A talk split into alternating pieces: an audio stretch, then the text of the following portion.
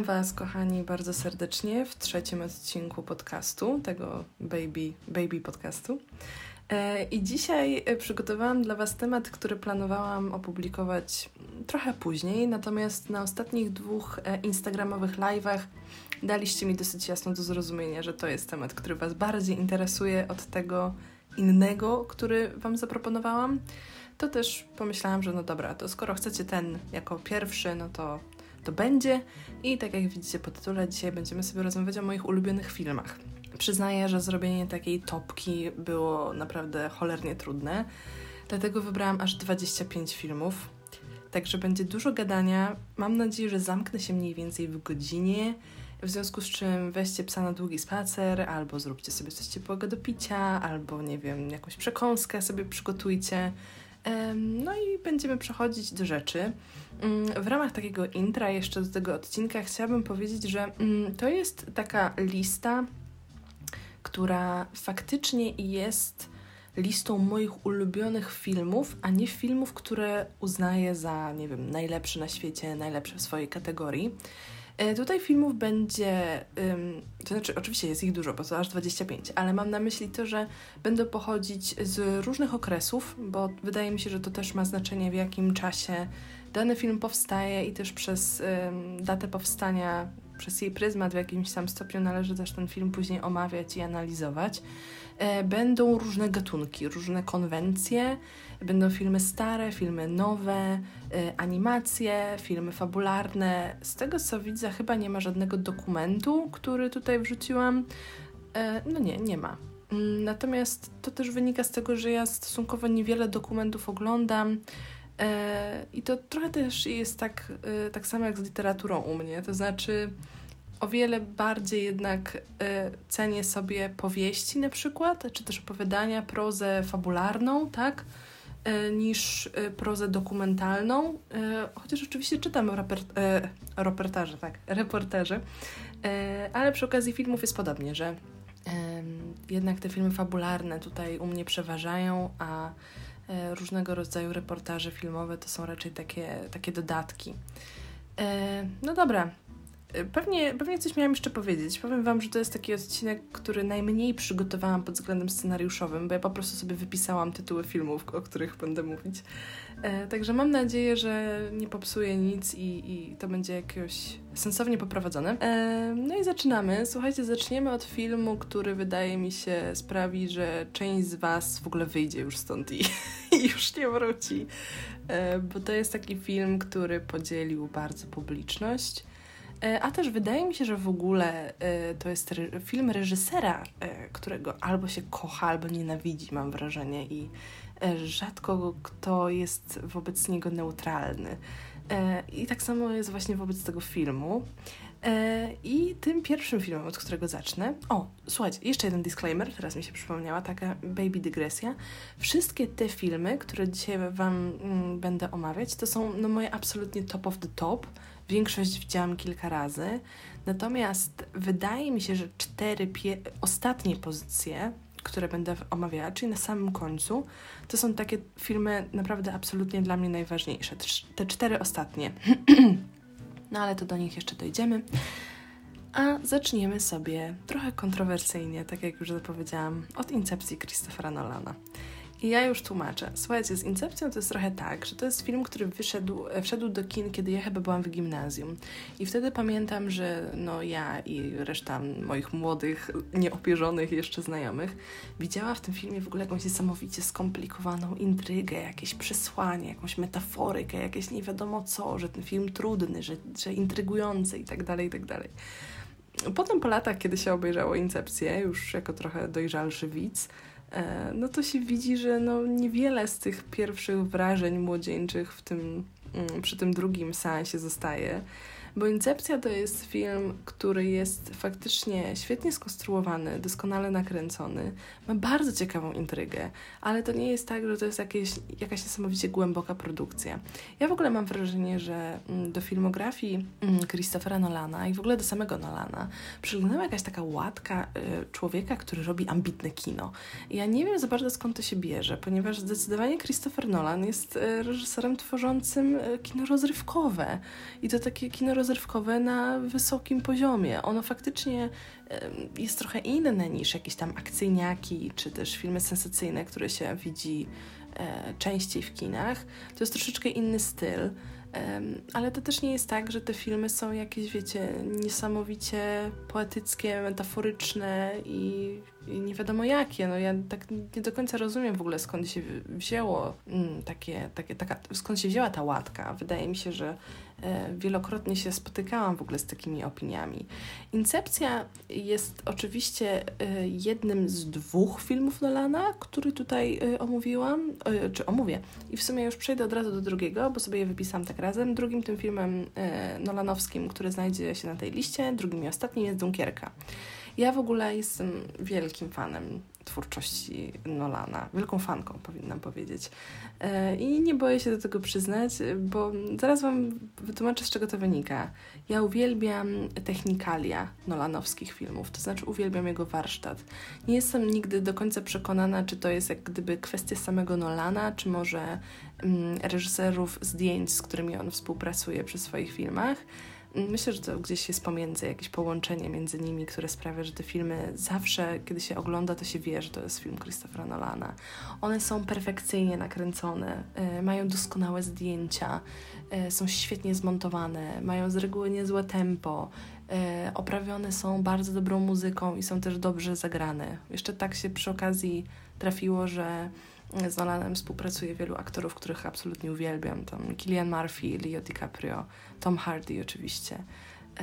Ja tutaj mogłabym jeszcze na tej liście wrzucić trylogię y, o Mrocznym Rycerzu, którą wiem, że też ponownie albo się bardzo lubi te filmy, albo się ich kompletnie nie trawi. E, ja bardzo lubię trylogię Mrocznego Rycerza, ale wydaje mi się, że Incepcja i Dunkierka to są takie filmy takie dla mnie osobiście bliskie. Incepcja to jest po prostu świetna intryga i niesamowicie mi się podoba ten koncept. Poza tym jestem zawsze bardzo łasa na heist movie. E, Incepcja coś takiego, coś takiego mi dała.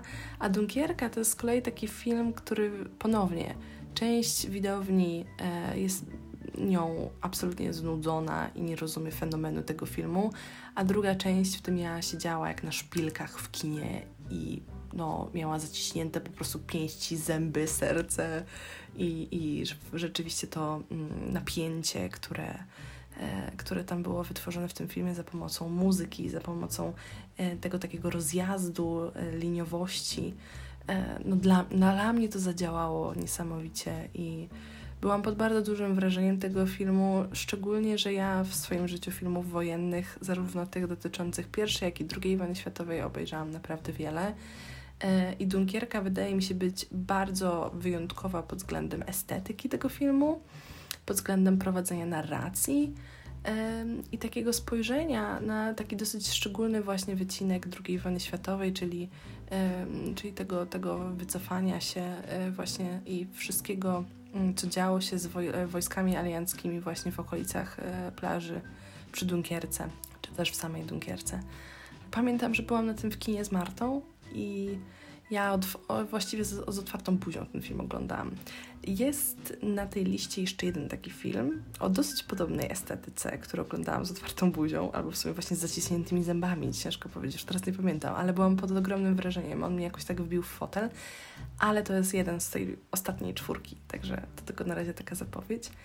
E, a ja w międzyczasie przejdę do numeru 3 na mojej liście i to jest film już kompletnie z innej bajki. I to jest, słuchajcie, Basen Jacques'a Derrida e, z roku 1969. W ogóle na tej liście mam wrażenie, że jest dużo starych filmów, przynajmniej sporo starych filmów. Myślałam, że będzie ich mniej, ale y, jakoś tak się złożyło, że no, całkiem sporo się ich zebrało. Najstarsze dwa pochodzą z 57 roku. E, no ale to do nich e, dojdę później. Na razie zatrzymajmy się przy basenie Dyraya, który jest takim filmem w którym myślę, że głównie skupia się uwaga na dwójce głównych aktorów, czyli na Alanie Delonie i Romy Schneider. E, to jest, myślę, dosyć znana historia e, o związku właśnie tych, tych aktorów. E, co ciekawe, przy okazji filmu Basen, w którym oni grają właśnie główne role i grają małżeństwo, i ten film w ogóle jest bardzo sensualny, niezwykle taki nie chcę powiedzieć erotyczny, raczej naładowany właśnie takim, taką erotyczną energią i tą, tą taką sensualnością, seksualnością, ale jednocześnie to wszystko jest w bardzo dobrym smaku.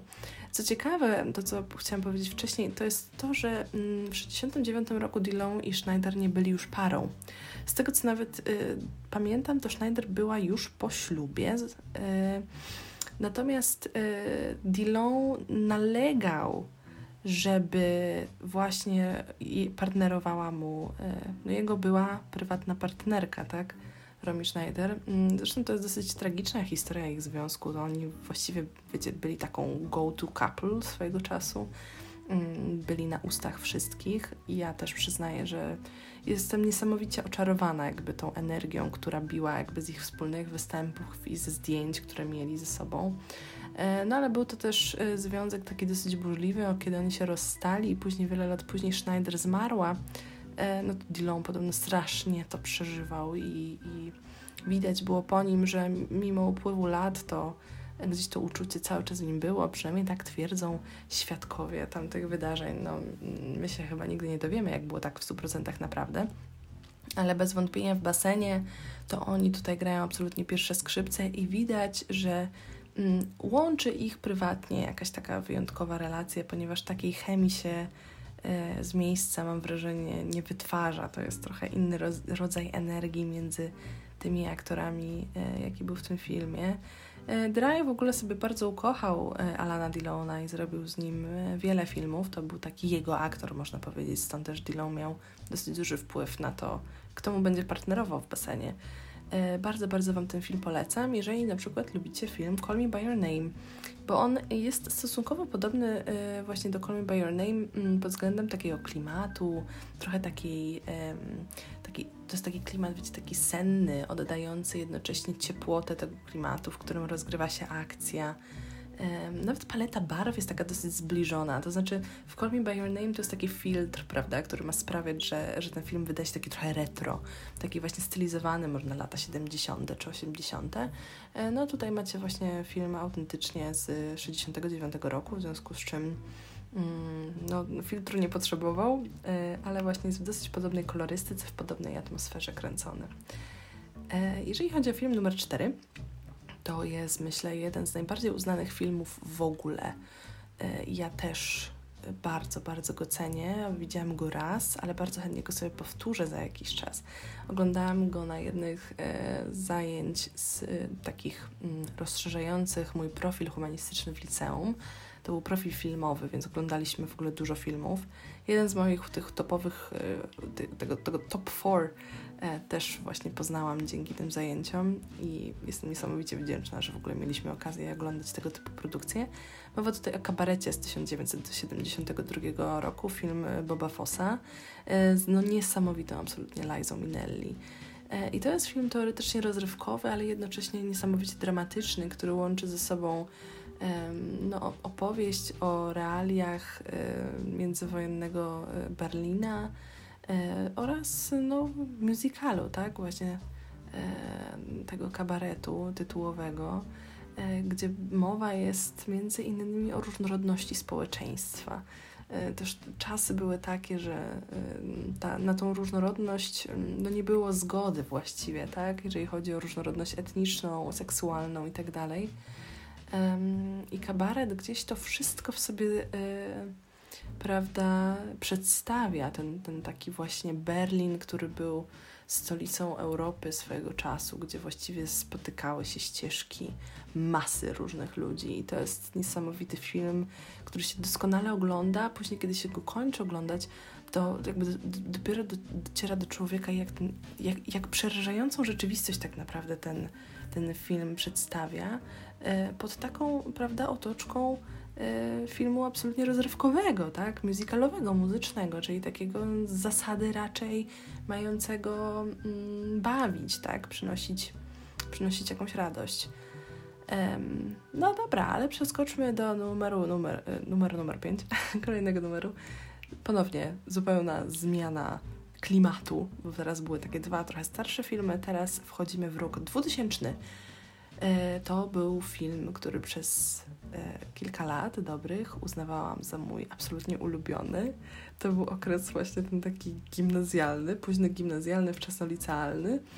E, potem w liceum zaczęłam bardzo dużo filmów oglądać, więc to się dosyć szybko zmieniło, ale w gimnazjum to był film do mojego życia, tak, tak myślę powiem. Wydaje mi się, że też dla wielu osób w tamtym okresie to był film życia, e, który zapisał się w pamięci naszej, to znaczy widzów i miłośników kina, między innymi ze względu na wyjątkową i szczególną ścieżkę dźwiękową, a szczególnie jeden konkretny motyw. Mm Mowa tutaj o Rekwiem dla snu Darena Aronowskiego, który swojego czasu był moim ulubionym reżyserem i właśnie Rekwiem dla snu było moim ulubionym filmem. Kiedyś Wam powiedziałam przy okazji opowiadania o moim pięknym synu, którego tutaj na tej, na tej liście nie ma, ale myślę, że gdybym miała robić jakąś taką listę rezerwową, to mój piękny syn by był na tym e, na tej liście rezerwowej, no to ja przepadam za filmami o narkotykach z jakiegoś powodu i wydaje mi się, że to moja, ta moja fascynacja właśnie E, narkotykami raz, że wiązała się z wiekiem młodym i buntowniczym i tego, czego nie mogłam doświadczyć na własnej skórze, to sobie chociaż wiecie, e, doświadczałam za pomocą różnych filmów czy też seriali. E, no i Requiem dla snu też było takim filmem, natomiast tam oczywiście temat uzależnień wszelakich, jakiegoś takiego nihilizmu z tym związanego, no jest absolutnie negatywnie ukazywany, tak? To jest ten film, po którego obejrzeniu jakby odechciewa się w ogóle wszystkiego, a na pewno spożywania narkotyków wszelakich, czy też leków. E, no właściwie to jest taki film, który ma bardzo pesymistyczny wydźwięk, jest taki niesamowicie negatywny w końcówce, to znaczy negatywny mam wrażenie, mam, mam na myśli to, że jakoś takie, taką, taką negatywną energię ze sobą niesie, jak się to obejrzy. E, genialnie zagrany. O ścieżce dźwiękowej już wspominałam. Ten film w ogóle robi kolosalne wrażenie. Ja już go bardzo dawno nie widziałam, więc nie wiem, jak on się zestarzał, a minęło już dosyć dużo czasu 20 lat. Ja go widziałam no, ponad 10 lat temu, e, więc możliwe, że zupełnie inaczej bym na ten film spojrzała ale ja pamiętam, że on zrobił na mnie tak kolosalne po prostu wrażenie, że byłam absolutnie przerażona i zafascynowana jednocześnie. Ja wtedy też między innymi później obejrzałam Czarnego Łabędzia, który ponownie też byłby na takiej liście rezerwowej, też Darena Aronowskiego. Bardzo, bardzo lubię ten film. Ale Rekwiem dla snu jakoś tak się we mnie, mm, no nie wiem, zaszczepiło we mnie coś takiego, co zostało ze mną na bardzo, bardzo długo. Mm, na pewno to nie jest film dla ludzi o słabych nerwach. To od razu ostrzegam. A dalej mamy, słuchajcie, produkcję Jima Jarmusza, tylko za nic nie pamiętam z którego roku w tym momencie, z wspaniałą absolutnie Tildą Swinton w roli głównej. Partneruje jej e, też niesamowity Tom Hiddleston i mowa tutaj o takim bardzo romantycznym, można powiedzieć trochę dekadenckim filmie, tylko kochankowie przeżyją. Ojej, co to za film, ale teraz mam ochotę go obejrzeć jeszcze raz. Słuchajcie, no nie ma bardziej melancholijnego, dekadenckiego filmu. Właśnie to słowo dekadencki wydaje mi się dosyć, dosyć dobre e, w kontekście tej, tej produkcji, ale jednocześnie e, dekadencja niesie jakiś taki wiecie, taką myśl o tym, że dekadent to jest taka osoba, która trochę nie znajduje dla siebie miejsca, jest niezrozumiana, prawda? E, ale ona mimo wszystko to jest taka osobowość konotowana dosyć negatywnie. A wydaje mi się, że w, e, tylko kochankowie przeżyją jest jednak jakieś takie piękno tej nieśmiertelności, bo hej, to przecież film o wampirach jest w końcu. Jednocześnie właśnie mm, przerażający aspekt tej wieczności, ale jednocześnie jakieś takie piękno. E, jakaś taka nadzieja. Poza tym ten film jest niesamowicie stylowy, jest po prostu tak nakręcony, że się można, no, można na niego patrzeć i patrzeć i patrzeć i patrzeć. Jest niesamowicie poetycki. Mm, a propos właśnie jeszcze kręcenia, y, no ja chyba do końca życia będziemy pamiętać tę pierwszą scenę, tę obracającą się płytę w gramofonie, później kamerę, która imituje ten sam ruch i spogląda z góry y, na leżącą na łóżku y, Tilda Swinton, która z kolei patrzy prosto w tę kamerę. Ach, ale mi się. Ach, wspaniały. Wspaniały film. E, jedyny w swoim rodzaju. Nigdy nie widziałam czegoś, e, czegoś podobnego. Widziałam kilka filmów Jarmusza, e, bo w ogóle to był pierwszy film Jarmusza, który ja widziałam. I potem myślałam, że może inne jego produkcje też będą w podobnym klimacie, ale to nie do końca tak było. I dlatego też ten film jest tutaj na tej liście jako wyjątkowy absolutnie film. Dalej znowu się cofniemy na moment do końcówki lat 50. E, Kotka na gorącym blaszanym dachu Richarda Brooksa na podstawie dramatu Tennessee'ego Williamsa w rolach głównych absolutnie top of the top Paul Newman i Elizabeth Taylor. Czy może być coś lepszego? Nie. Jestem wielką, wielką fanką Paula Newmana, widziałam z nim mnóstwo filmów, ale zdecydowałam się wrzucić właśnie tutaj Kotkę na gorącym blaszanym dachu, Chociaż bardzo się myślałam jeszcze oczywiście między innymi nad Żądłem, e, w którym e, też partneruje Newmanowi Robert Redford. E, I Żądło jest w ogóle wyśmienite. Mam wrażenie, że się doskonale zestarzało. To jest taki film akcji, który się nadal dobrze ogląda. A Kotka na gorącym blaszanym dachu, no to przede wszystkim jest film, który stoi na aktorach, tak? Mm, ja bardzo długo się też zastanawiałam, czy by do tej listy nie wrzucić tramwaju zwanego pożądaniem, też na podstawie prawda, pracy Williamsa, mm, ale ostatecznie postawiłam na tą kotkę. Nie wiem, czy to dobrze, czy źle, bo tramwaj zwany pożądaniem też uwielbiam.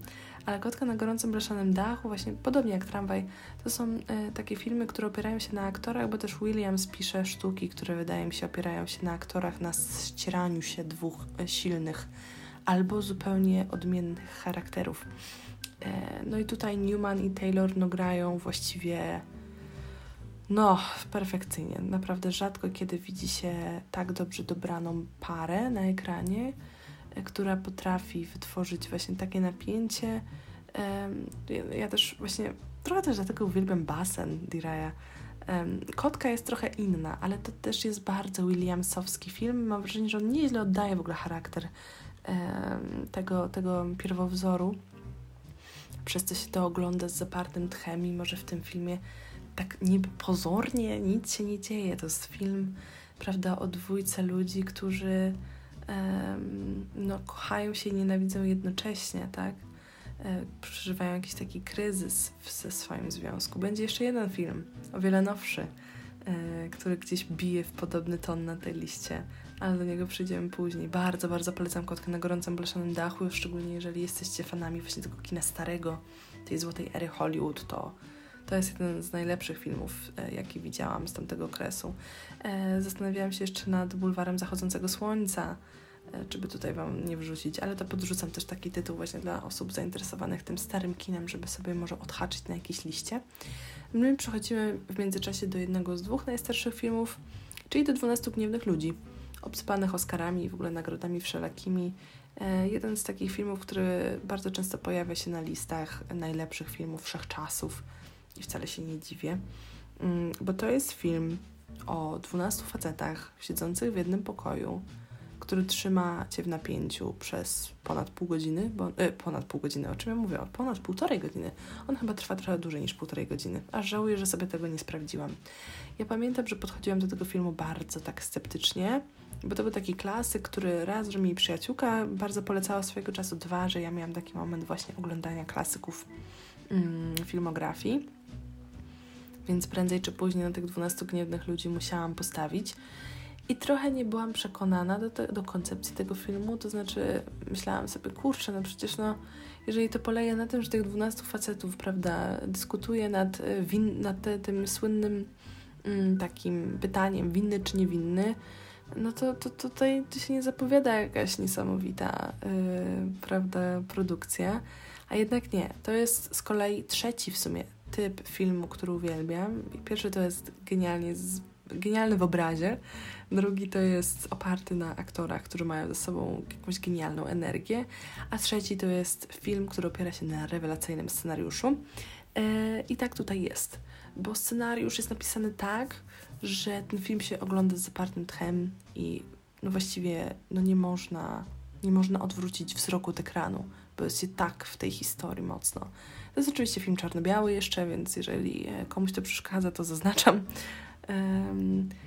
Słuchajcie, o następnym filmie, który mam na liście, to ja nie mam wiele do powiedzenia paradoksalnie, bo też nie czuję się na siłach, żeby akurat o tym reżyserze jakoś szczególnie rozprawiać, choć jest to jeden z moich absolutnie top of the top reżyserów.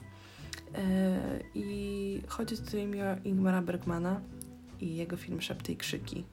Widziałam oczywiście co najmniej kilka filmów Bergmana, ale wybrałam Szepty i Krzyki właśnie z 72, żeby włączyć do tej listy bo ponownie to była taka wizja niesamowicie brutalna e, na pewnym poziomie, jednocześnie taka oniryczna, jak tu Bergmana i absolutnie hipnotyzująca.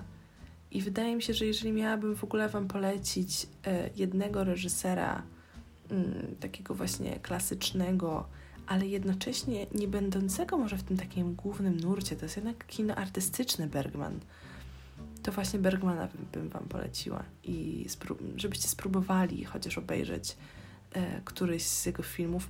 Może niekoniecznie szepty i krzyki na początek bym polecała, może raczej personę albo kurczę, był taki film, który bardzo mi się zawsze kojarzy z tytułem szekspirowskiego dramatu Sen nocy letniej. Jak ten film się nazywał, kurczę? Ale jeżeli wejdziecie w filmografię Bergmana, e, to myślę, że się zorientujecie, o który film chodzi. I jeden, y, i on, i persona są troszeczkę, wydaje mi się, łatwiejsze w odbiorze. Persona to zresztą jest też takie flagowe dzieło Bergmana. Ale mówię, ja wybrałam Szepty i Krzyki, bo ten film zrobił jakieś na mnie takie kolosalne wrażenie. Ja tak momentami nie bardzo wiedziałam, co się dzieje na ekranie, ale potem ten film ze mną bardzo długo został i bardzo długo się nad nim zastanawiałam. E, kurczę, w ogóle muszę sobie coś obejrzeć od Bergmana, bo już dawno, dawno nie, nie oglądałam a mam jeszcze kilka filmów do obejrzenia z jego filmografii, takich dosyć, dosyć ważnych, więc Szepty i Krzyki jako reprezentant twórczości Ingmara Bergmana w ogóle. E, a dalej e, ponownie e, lecimy teraz, o, to jest taka dosyć długa, zaraz będzie lista filmów zdecydowanie nowszych. Anna Karenina, Joe Wrighta film, na którym byłam w kinie, który mnie początkowo zupełnie jakoś tak nie zachwycił, a później we mnie bardzo urósł, ja go niesamowicie dobrze wspominam. Ale to też między innymi dlatego, że do tego filmu i myślę, że w ogóle do filmów troszkę zmieniłam podejście i zaczęłam je inaczej oceniać. Ponieważ Anna Karenina e, Wrighta jest takim filmem, który stoi przede wszystkim formą to w ogóle co Wright wymyślił, albo ktoś z jego sztabu, ciężko do końca mi powiedzieć, to jest majstersztyk. Anna Karenina mianowicie Mm, to jest film imitujący pracę teatru. To znaczy, wydaje się, że cały ten dramat e, tołstojowskiej powieści rozgrywa się na dyskach dramatu. E, o Boże, na dyskach teatru, słuchajcie. I w ogóle cała maszyneria, sposób kręcenia tego filmu jest właśnie mm, tak stworzony, jak gdybyśmy oglądali trochę przedstawienie, ale jednocześnie widzieli scenę, jak i wszystko to, co pod sceną, co za sceną, co wokół sceny. Przepraszam, musiałam się poprawić i to e, krzesło mi tak strzeliło. Um, I to robi niesamowite w ogóle wrażenie. Przez to też, to tak trochę Was uczulam, bo to jest właśnie między innymi ta rzecz, do której ja zmieniłam e, zdanie bo mnie się ten film wydawał te lata temu, no faktycznie niesamowicie ciekawie zrealizowanym, ale takim bez życia, takim martwym. E, swoją drogą, tak mi się teraz przypomniało, tego chyba nie powiedziałam, że właśnie wiele osób Nolanowi e, od Incepcji Dunkierki między innymi zarzuca, że te filmy jego są tak perfekcyjne w obrazie, że aż zimne, że aż takie właśnie martwe, mechaniczne. No ja taką martwotę lubię akurat, nie wiem, akurat tą martwotę Nolana lubię, bo nie uważam ją za martwotę. Uważam po prostu, że to jest reżyser, który doskonale zna tworzywo, z którego tworzy. E, tak, tworzywo, z którego tworzy, którym się posługuje, na którym pracuje i potrafi to po prostu do perfekcji wykorzystać. Z kolei w Annie Kareninie mm, ta martwota aktorów, taka, taki jakiś, taki nie wiem nawet jak to określić, mnie się oni wydawali tacy niesamowicie sztuczni, tacy bez życia.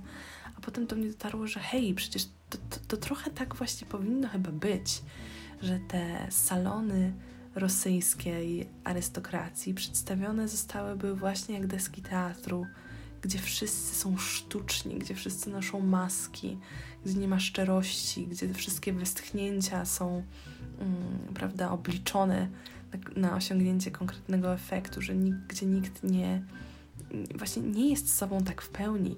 I to jest między innymi jeden z dramatów samej powieści. E, I Wright oddał to naprawdę dobrze.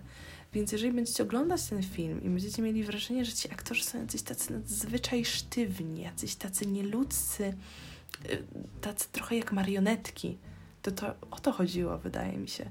I, i to było zamierzone. Y, Anna Karenina ma przy okazji bardzo dobrą ścieżkę dźwiękową, który ro, którą robił, o rany, czy Aleksander Desplat? Nie pamiętam. Musielibyście sprawdzić, y, ale też jest warta uwagi ten film wydaje mi się jest gdzieś dostępny na streamingu, więc można go spokojnie e, obejrzeć. On w ogóle tak za mną chodzi już od jakichś trzech tygodni, żeby go obejrzeć jeszcze raz. Jakoś tak mi się za nim niesamowicie tęskni. Polecam szczególnie skupić się na scenach balowych, które są genialnie nakręcone. E, no, rewelacja. Dalej e, mamy z kolei Rany, znowu przeskoczymy w zupełnie inny klimat. ja nie wiem, mogłam może jakoś inaczej tą listę ustawić, ale może tak jest ciekawie. No, nie wiem, mam nadzieję. Słuchajcie, numer 11 to są Bękarty Wojny, czyli mój ulubiony film Quentina Tarantino. Tak, jestem jedną z osób, które lubią e, kino Tarantino, natomiast to też nie jest tak, że jestem jakimś takim absolutnym, e, nie wiem, fanem, takim die hard fanem, prawda, Tarantino. Nie widziałam wszystkich jego filmów, nie widziałam innymi Nienawistnej ósemki. Nie przepadam jakoś specjalnie za Kill Billem, ale uwielbiam Bękarty Wojny. To jest mój absolutnie top of the top, jeżeli chodzi o kino Tarantino. To jest film e, no, opowiadający teoretycznie bardzo tragiczną historię, tak? Bo rozgrywa się on w czasach II wojny światowej, więc ten konflikt taki, powiedziałabym, ideologiczny, nazistowsko-żydowski jest tutaj bardzo obecny. Zresztą on się w ogóle zaczyna taką dosyć przerażającą sceną e, właśnie ukrywania i szukania, ukrywania się Żydów, tak? I szukania e, ich przez, przez nazistów. A potem po tej przerażającej scenie na początek ten film zupełnie zmienia ton i nagle wchodzi ten humor Tarantino, ten taki czarny, najczarniejszy humor jaki jest. E, no w ogóle Brad Pitt, prawda, i jego włoski akcent tutaj, to wydaje mi się, że to już przeszło do historii. Christoph Waltz, który jeszcze wydawał się wtedy być aktorem, który potrafi grać coś więcej niż Hansa Lande, potem się okazało, że niekoniecznie. Tam jeszcze grała mm, Melanie Laurent, bardzo dobrą rolę. No i słuchajcie, to też był film, w którym ja odkryłam Michaela Fassbendera, który ma tam w ogóle rewelacyjny epizod. I ja po tym filmie się zainteresowałam tym aktorem i jego filmografią. No i no, pokochałam faceta. Szkoda tylko, że teraz takie kiepskie role ostatnio wybieram. Mam nadzieję, że się to zmieni i z tego co słyszałam, to ma Fassbender się pojawić w najnowszej produkcji Taiki Waititiego. I nie, nie w Thor Love and Thunder, tylko w jakiejś tam jego innej produkcji, którą tworzy na boku. Więc miejmy nadzieję, że Michael się odbije od dna, bo to fajny facet i niesamowicie utalentowany aktor. A Karty Fajne Wam niesamowicie po, polecam.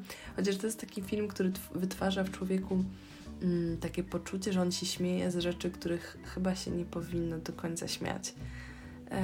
Natomiast to jest dosyć ciekawy, ciekawy właśnie przykład kina, który mm, w żart obraca coś niesamowicie poważnego, trochę przekracza taką granicę przyzwoitości, można by powiedzieć. E, I to jest bardzo, bardzo ciekawe doświadczenie. Ja na początku właśnie się czułam tak dosyć nieswojo z tym, że ten film mi się tak bardzo podobał, że tak się na nim genialnie bawiłam, chociaż no jednak to tło i ta fabuła no jest dosyć tragiczna, jest dosyć dramatyczna, tak? Więc może to nie jest koniecznie film dla ludzi, którzy bardzo, bardzo jakby emocjonalnie podchodzą do tematyki drugowojennej. Bo to jest taki film, do którego trzeba mieć trochę dystansu, tak myślę, do pewnego stopnia. Takiego artystycznego dystansu. Mm, dalej, numer 12 to jest Kill Your Darlings. I pozwólcie, że będę się posługiwać tym właśnie tytułem, a nie polskim tytułem, który w ogóle. O rany, ja wiem, że ten, ten oryginalny tytuł Kill Your Darlings jest taki trochę nieprzetłumaczalny, ale no, na śmierci życie. Rany, słuchajcie, to masakra. To jest film Johna Krokidasa. E, I ja w ogóle e, przy okazji tworzenia tej listy zajrzałam sobie do filmografii Krokidasa, żeby zobaczyć, co w ogóle robił po Kill Your Darlings, bo ja sobie nie przypominałam, żebym inne jego filmy widziała. Potem się okazało, że zrobił jakieś seriale, ale to mnie kompletnie nie interesuje. I dopiero teraz w tym roku miał wypuścić jakiś nowy film, chyba z Susan Sarandon w ogóle w roli głównej. no ale wie, wszyscy wiemy, co się teraz dzieje, więc pewnie sobie jeszcze chwilę na ten, mm, na ten film poczekamy. Natomiast w międzyczasie możecie obejrzeć genialny Kill Your Darlings. To jest e, film reprezentujący moją miłość do e, bitników, do Beat Generation. E, oglądałam jeszcze oczywiście ekranizację Karłakowskiego w drodze e, z Garethem Headlandem, samym Rileyem i Kristen Stewart, e, która to Kristen Stewart jest naprawdę przyzwoita w e, tej ekranizacji w drodze i nawet mi się ona podobała. E, zwracam na to uwagę, że, bo, ponieważ wiem, że wiele osób gdzieś ma alergię na tą aktorkę i nie lubią, nie lubią jej oglądać na ekranie. Wydaje mi się, że w drodze ona dała radę i ja w drodze też bardzo lubię. On, ten film ma w ogóle dosyć niską cenę na Filmwebie, bo chyba tam 6 i coś. Dla mnie ten film jest lepszy niż 6 i coś, ale to może tylko ja. Natomiast Killer Darlings wydaje mi się filmem trochę żywszym, trochę lepiej oddającym pewne jakby to powiedzieć, pewien, mm, pewną taką atmosferę związaną w ogóle z twórczością bitników i też ich życia. E, bo to jest, słuchajcie, film oparty mm, na takiej auto, na poły autobiograficznej powieści, takiej króciutkiej powieści napisanej przez Williama Borosa i Jacka Kerouaka właśnie, e, która się nazywa Rany. I hipopotamy się ugotowały? Czy ja dobrze pamiętam? Wydaje mi się, że tak. To jest historia, która, no tak jak mówię, jest na poły biograficzna. Ona się też częściowo e, wydarzyła w, w życiu bitników. E, natomiast film skupia się generalnie na znajomości Alana Ginsberga, e, którego odgrywa Daniel Radcliffe, z Lushanem Karem, czyli genialnym w tej roli Dane'em Dehanem. Kolejna genialna rola, która mi zwróciła uwagę na dobrego aktora.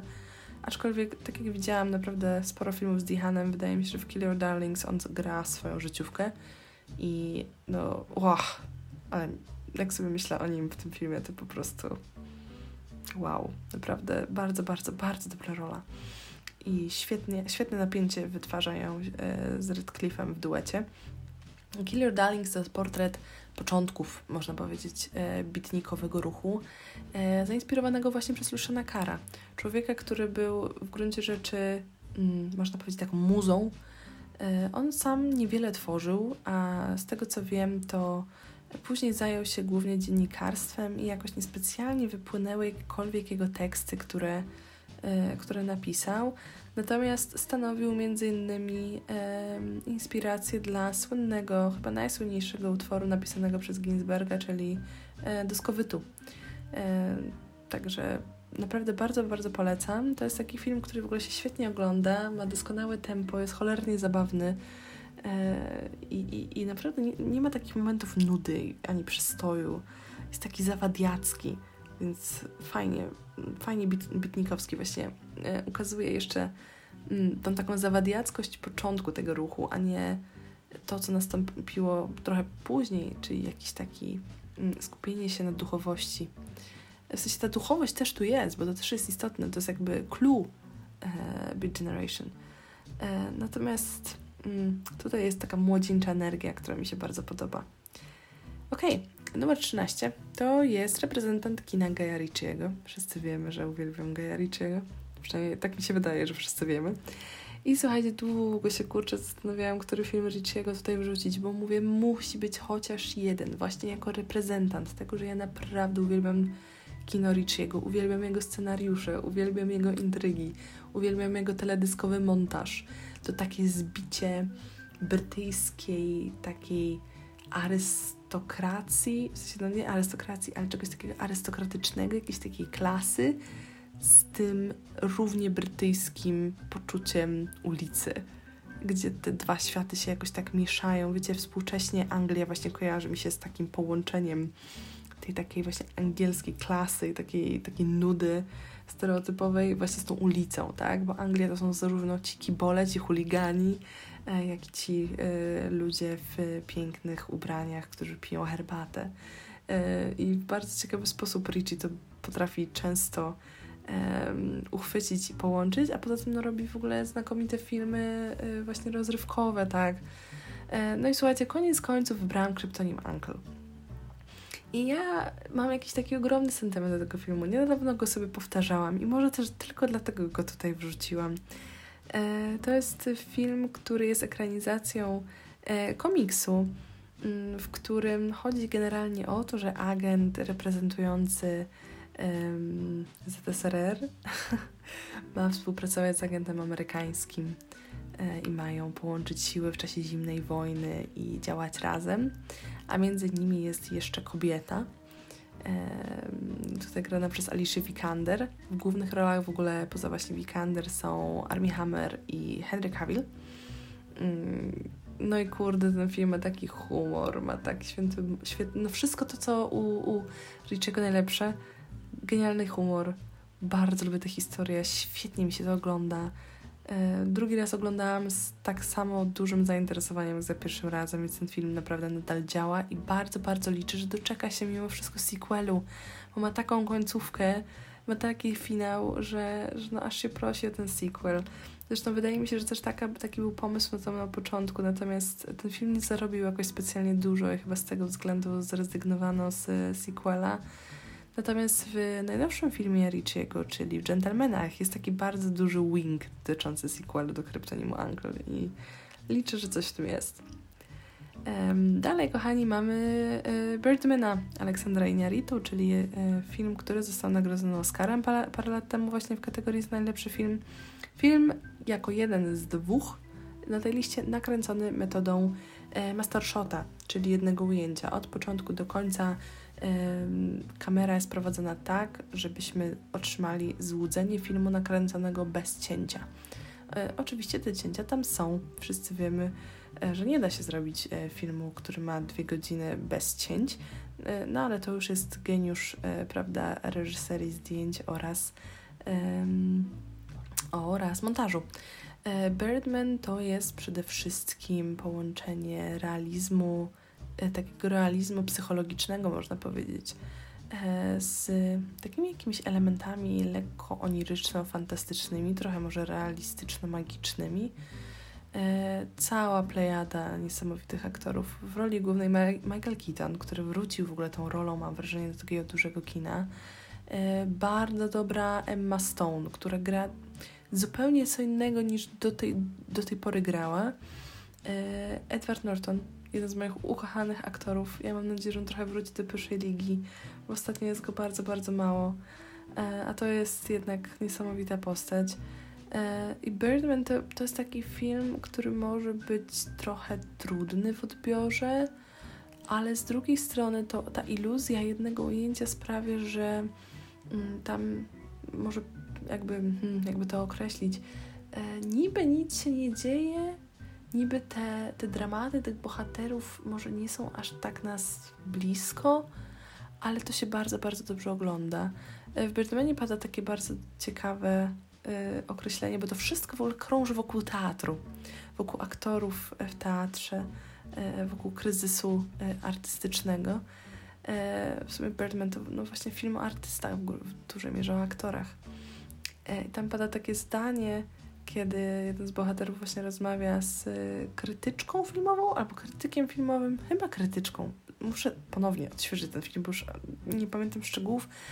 I ta krytyczka mówi, albo ten krytyk, mówmy, że krytyk niech będzie, że jeżeli nie mogło się zostać artystą, to się zostaje krytykiem. I to jest trochę smutne. To jest taki smutny wniosek, że faktycznie jeżeli nie tworzysz, to zostajesz krytykiem sztuki odpowiedniej, to sobie możecie dopisać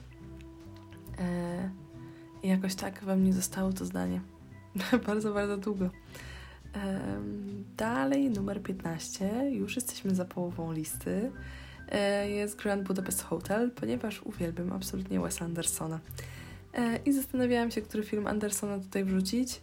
Właśnie sobie świadomiłam, kurczę, że nie ma Paula Thomasa Andersona na tej liście. To jest w ogóle jakimś żartem. Więc może zaznaczyć tutaj w tym momencie, że absolutnie uwielbiam Paula Thomasa Andersona. Na dniach planuję obejrzeć Nić Widmo, Widmo, a w międzyczasie polecę Wam jeszcze Aż poleje się krew. Nigdy nie spojrzycie na Poladano, już tak samo.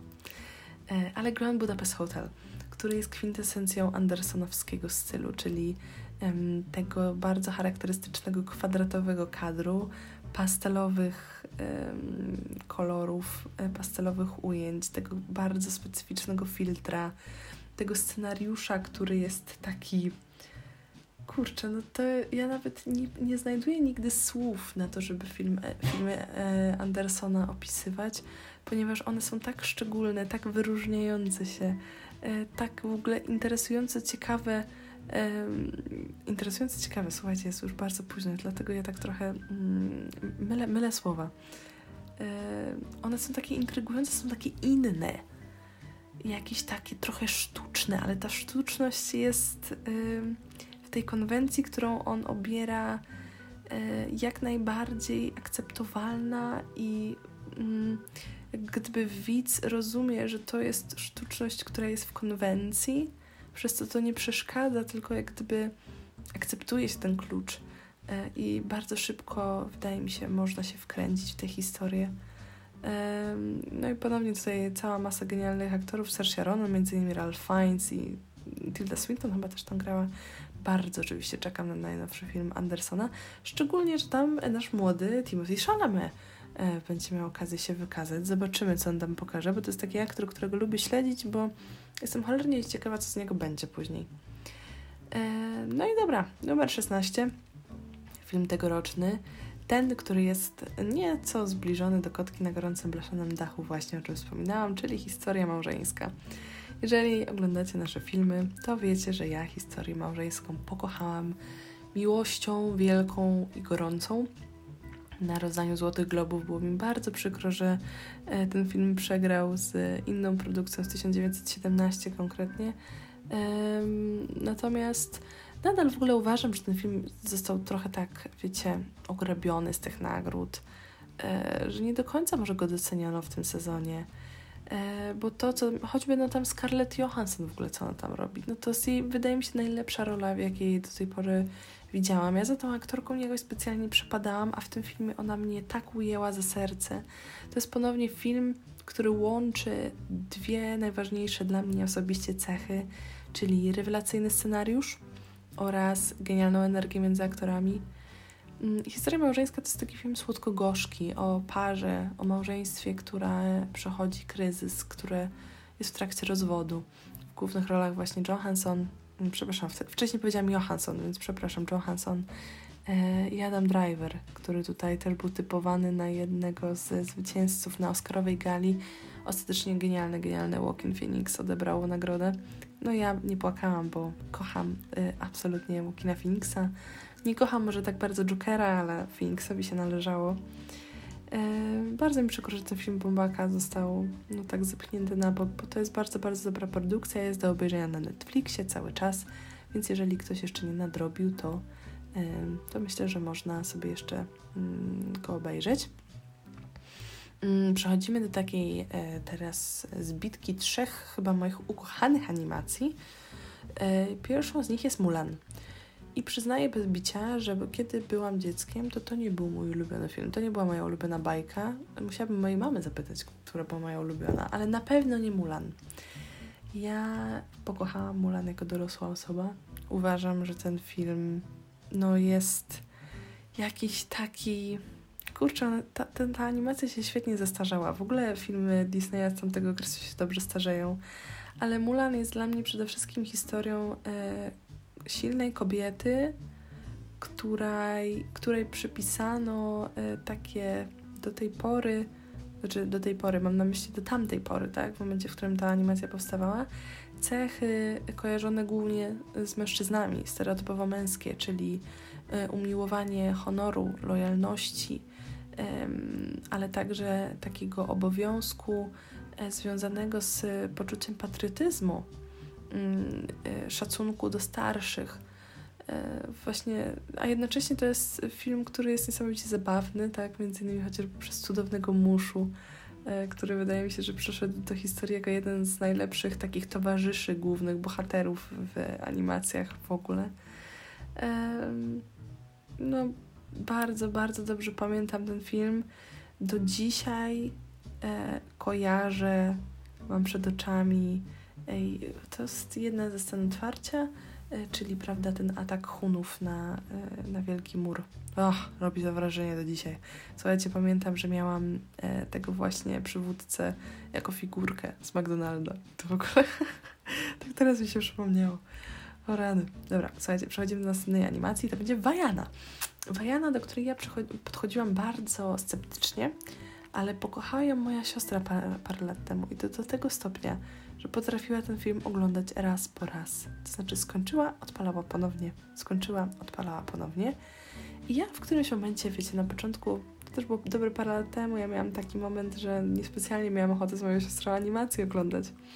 Mm. Natomiast w końcu obejrzałam i to ile razy ja płakałam na tej Wajanie. To jest, słuchajcie, niesamowite.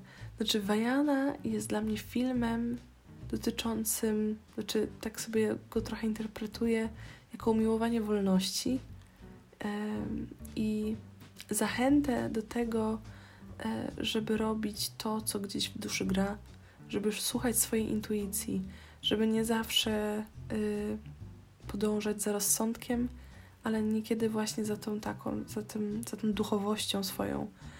E, znam polskie piosenki w ogóle doskonale. Uwielbiam piosenki do Majany, pisane przez Lina Manuela Miranda, oczywiście jedynego najlepszego na świecie.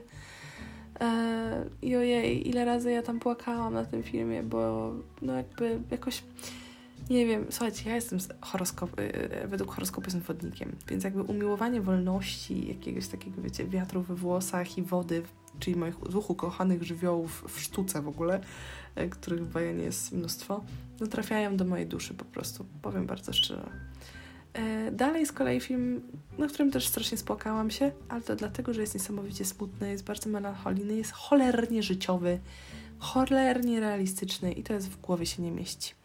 I to jest taki film, który robi widzę strasznie w bambuko, że tak się wyrażę, bo on się zaczyna dosyć radośnie, bo mamy ten koncept, prawda, tych mm, uczuć, emocji, które siedzą sobie w naszych głowach i decydują o tym, jak, jak będziemy reagować, tak?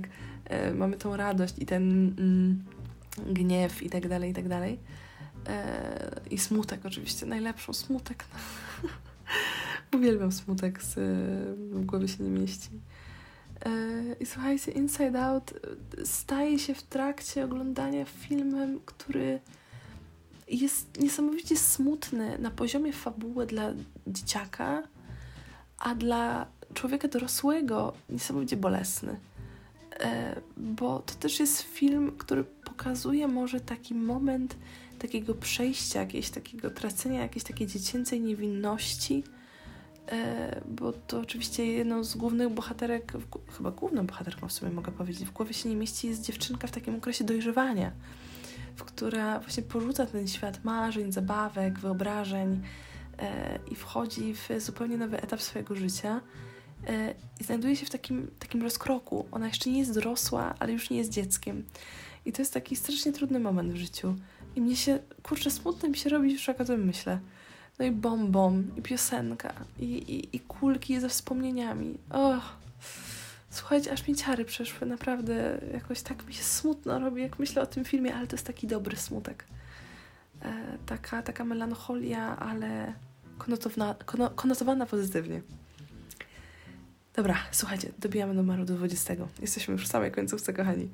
E, to może być taka pozycja, która Was może trochę zaskoczy. Marty zaskoczyła, jak jej to pokazałam. To się nie spodziewała.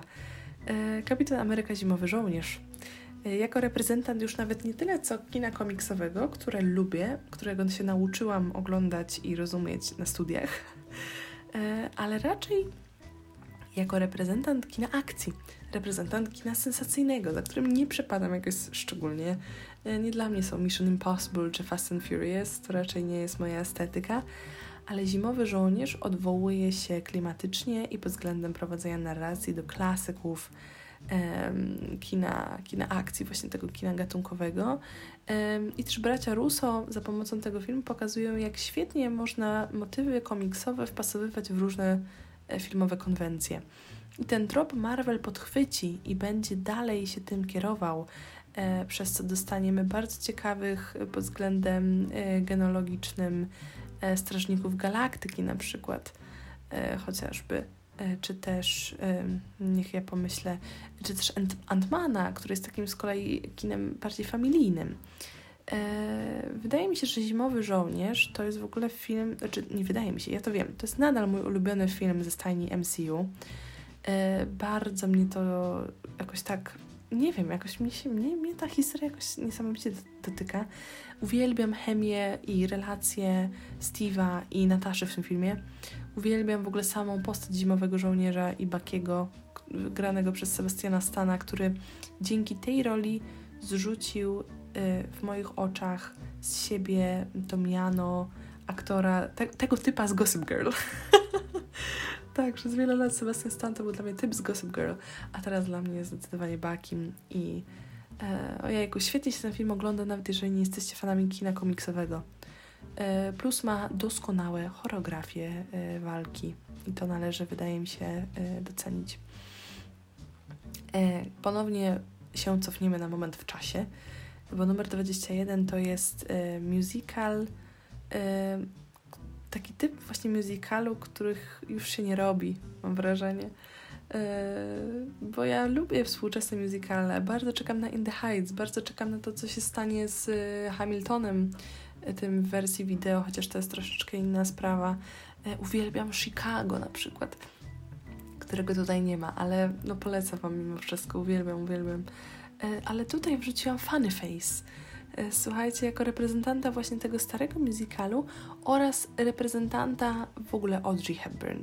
Audrey Hepburn przez wiele lat była moją ulubioną aktorką, a teraz stała się dla mnie e, ikoną, jakimś takim e, wzorem do naśladowania, tą tak zwaną role, mo e, role model.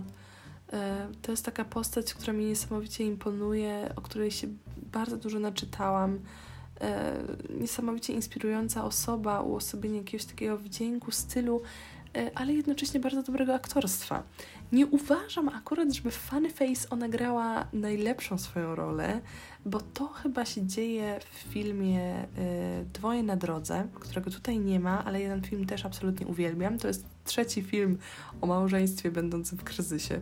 Nie wiem o co chodzi, ale ja coś, coś mam do tego wątku. E, I jeszcze grała w takim filmie, słuchajcie, w ciemności, w mroku, e, gdzie grała, to, to taki bardziej e, thriller może nawet wręcz. Hepburn tam gra kobietę niewidomą, która musi sobie poradzić z napastnikiem. Nie pamiętam, jak się ten film nazywa, ale jest bardzo dobry i polecam też. Funny Face natomiast jest, no tak jak mówię, muzykalem, których już, już później się przestało robić. Tutaj partneruje Hepburn Fred Astaire, który oczywiście no, był trochę za stary dla e, Hepburn i w ogóle dla tej roli, którą tam grał. I dziwnie się ogląda ją taką młodziutką, świeżą z nim, doświadczonym już życiem mężczyzną, e, które grają, prawda, e, jakieś, jakieś takich, takie, takie bratnie dusze, ale Aster oczywiście ma tą niesamowitą charyzmę sceniczną, a może powinnam powiedzieć ekranową raczej, i chyba już nie było takiego drugiego aktora jak Fred Astaire, więc e, warto chociażby ten film dlatego zobaczyć.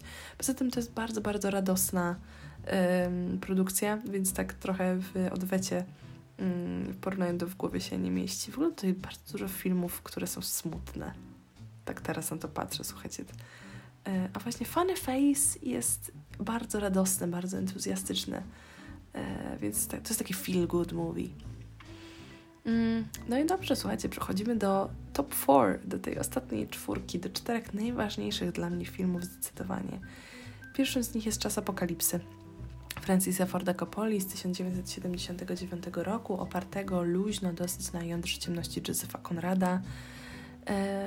Tam oczywiście jedną z najlepszych swoich ról, przynajmniej tak niektórzy twierdzą, e, zalicza Marlon Brando, e, która to jednocześnie rola jest mm, owiana taką złą sławą, to znaczy to był taki moment w życiu Brando, w którym on e, bardzo mocno buntował się wobec wielu rzeczy, a jedną z tych rzeczy była praca na planie, regularna praca na planie, która miała być niejako jakimś takim głosem jego sprzeciwu wobec kapitalizmu, wobec tego systemu Hollywood, którego on nie znosił. Ale jednocześnie jest, e, no jest genialny w tym filmie. Czas Apokalipsy to jest też taki klasyk klasyków. No oczywiście sceny E, z helikopterami, prawda, z zapachem e, o Boże, Palu o poranku yy, i tak dalej, no to, to, są, to jest już klasyk. Film, który jednocześnie oddaje właśnie te główne myśli mm, Josepha, Josepha Conrada zawarte w Jądrze Ciemności, ale jednocześnie przenosi niejako te akcje, ten koncept, który miał Konrad, do okresu wojny w Wietnamie. Mm, które była. No, no, ten konflikt wydaje mi się być jednym z najważniejszych w ogóle, na pewno dla amerykańskiej kultury. Bardzo dużo się o wojnie w Wietnamie y, pisało i mówiło właśnie za pośrednictwem filmu. Y, a czas apokalipsy pokazywał właśnie to okrucieństwo, bezsens absolutny tej wojny. Chyba najlepiej, tak myślę. No i dalej, słuchajcie, Chyba nikt nie będzie zdziwiony. Podejrzewam, że wielu czekało na ten film w ogóle się zastanawiało, dlaczego to tego jeszcze nie ma. 1917.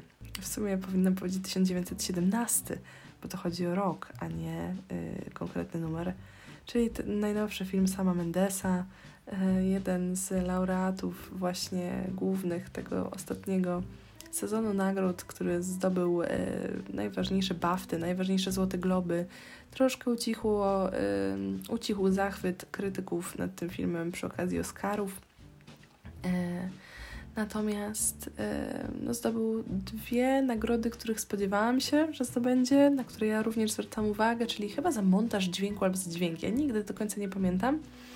Mm, oraz za zdjęcia, ale hello, zdjęcia Rogera Dickinsa jakby błagam, musi być nagroda.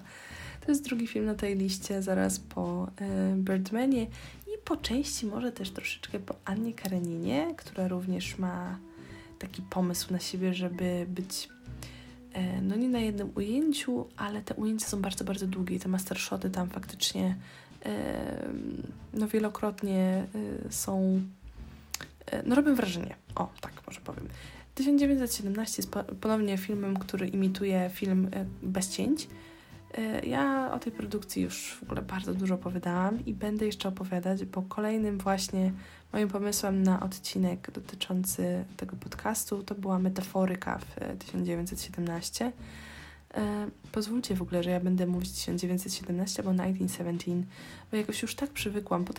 Jakby starałam się nauczyć się ponownie, żeby mówić 1917, ale no nie potrafię za nic w świecie, więc musicie mi wybaczyć. Purystów językowych bardzo przepraszam. To jest film, który zrobił na mnie w ogóle kolosalne wrażenie, podobnie jak Dunkierka y, pokazuje konflikt wojenny w zupełnie inny sposób niż kinematografia do tej pory. Swoją drogą 1917 Dunkierka mają bardzo podobną paletę barw, warto zwrócić na to uwagę. Dodatkowo film okraszony genialną muzyką Thomasa Newmana, po prostu przy której ja się rozpływam za każdym razem, jak ją słyszę, to mi się przypomina ten film e, i te wszystkie emocje, które, które gdzieś we mnie były. Ja autentycznie po obejrzeniu tej produkcji byłam tak samo zmęczona jak główny bohater. Dla tych, którzy jakimś cudem jeszcze się uchowali i nie wiedzą, o czym ten film jest, to historia e, dwóch żołnierzy, którzy w czasie I wojny światowej muszą przejść przez ziemię niczyją i pozostawione przez Niemców puste e, okopy i przedostać się do innego stacjonującego niedaleko we Francji e, oddziału, który z kolei kieruje e, jakby nie kieruje, tylko planuje natarcie właśnie na armię niemiecką.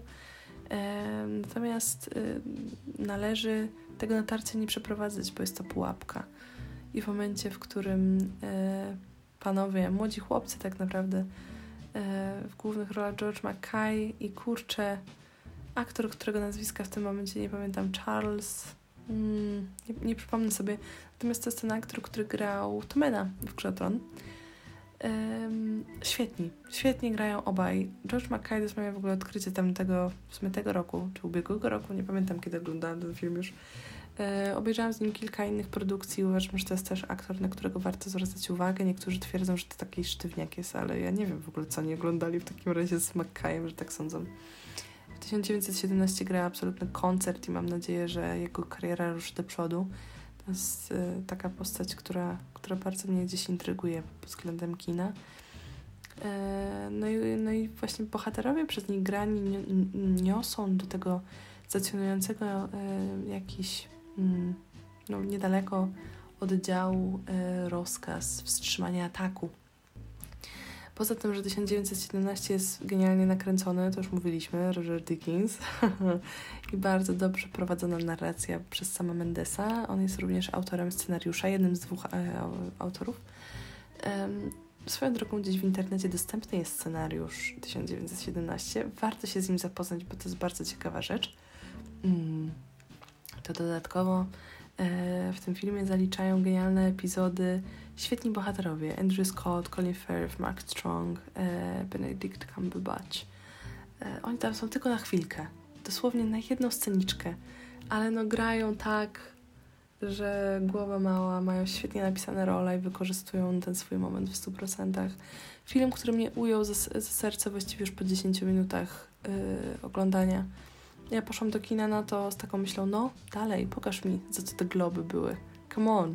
A potem się okazało, że totalnie mnie to porwało i uwielbiam, uwielbiam ten film. To jest absolutnie top of the top w moim, w moim odczuciu. Jeden z najważniejszych i najlepszych filmów, jakie kiedykolwiek oglądałam z różnych powodów Postaram się je Wam przybliżyć w następnym odcinku, bo liczę, że e, tą metaforykę 1917 ostatecznie nagram.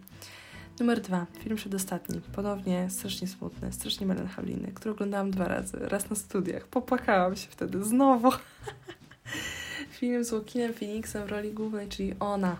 Hair Spike Jones. Yy, Boże, jaka jego Spike Jonesa? Spike Lee? Spike Jones? O matko, słuchajcie, za późno jest, za 21, ja już nie myślę, przepraszam. Spike Lee.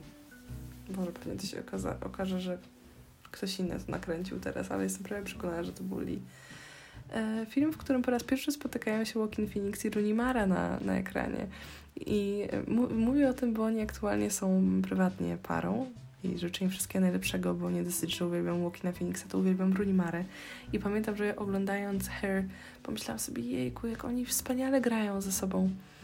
E, jako, jakoś tak tu jest tak dużo czułości między nimi, chociaż E, grali parę e, rozwiedzioną, tak? E, natomiast w retrospekcjach, mm, w których właśnie było przedstawione ich życie razem, jakieś takie niesamowite ciepło się wylewało wtedy z ekranu, przez co strasznie było smutno, że oni już nie są razem.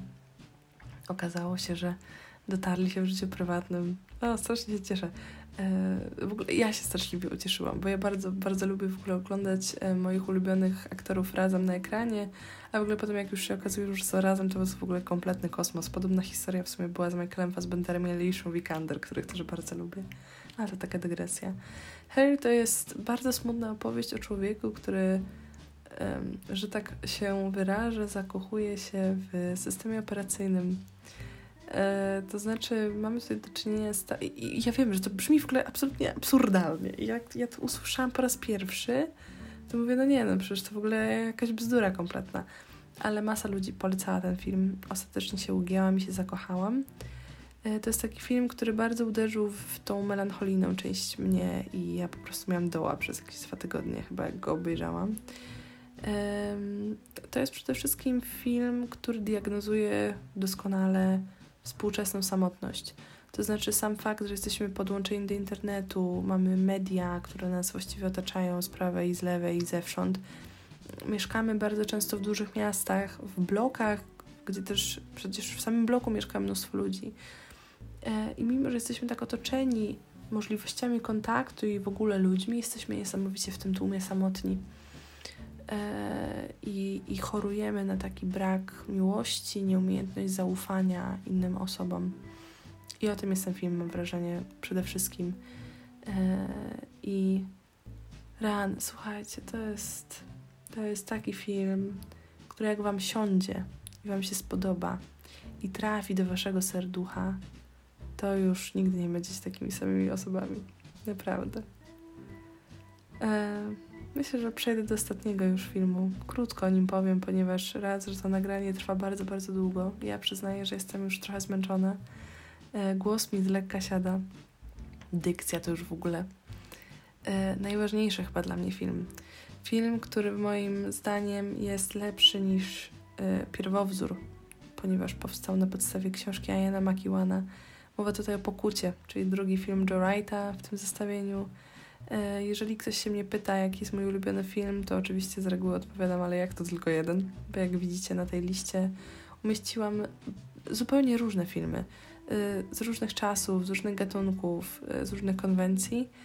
Każdy reprezentuje coś innego, co w kinie uwielbiam. Natomiast Pokuta jest takim filmem, który bardzo wiele rzeczy zbiera. To jest taka historia, mm, która mnie jakoś tak niesamowicie dotknęła, bo Pokuta to jest przede wszystkim film, który mm, zdobywa serce widza sztuką opowiadania.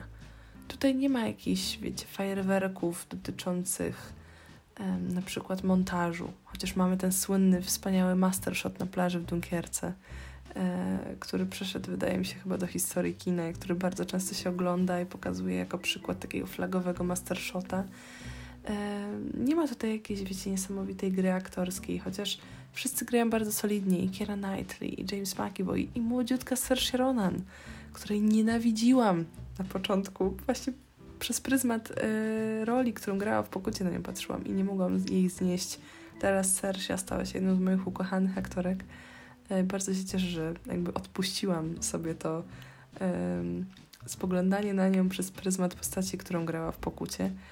Mm, to jest historia, która jest opowiadana właśnie z perspektywy dziecka, młodej, młodej dziewczyny, a później coraz starszej, no już kobiety, która jako dziecko widzi w takiej, można powiedzieć, niecodziennej dla siebie sytuacji swoją starszą siostrę y, i jej no, dobrego przyjaciela, który jednocześnie w sumie był, no, mm, jakby to ładnie ująć, to był taki człowiek, prawda, y, którego arystokracja uznaje za klasę niższą, taką gorszą kategorię, niższą klasę, yy, klasę osób, które no, są w sumie takimi służącymi, tak?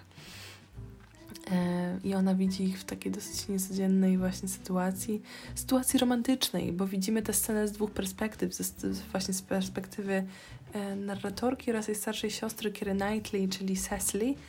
E, I my wiemy, że to jest scena romantyczna między nimi. Natomiast to, w jaki sposób natrafia na to bohaterka grana przez Saoirse Ronan, sprawia, że ona widzi w tej scenie coś zupełnie innego. Przez co rozpoczyna się spirala zdarzeń, która prowadzi do tragedii. Ale jednocześnie to jest taka historia, która w ogóle jest o opowiadaniu historii. jest o sztuce opowiadania, o sztuce prowadzenia narracji. E, jest też e, historią o perspektywie, o tym, jak bardzo możemy różnie odbierać różne wydarzenia e, i do czego to może doprowadzić. Poza tym bardzo mi się podoba estetyka pokuty. Ona ma piękne zdjęcia. To jest okres, prawda, międzywojenny w Anglii, czyli jeden z moich ukochanych okresów historycznych. Y, zaraz potem zaczyna się mm, druga wojna światowa i między innymi mają tutaj znaczenie naloty na Wielką Brytanię, bombardowanie Londynu.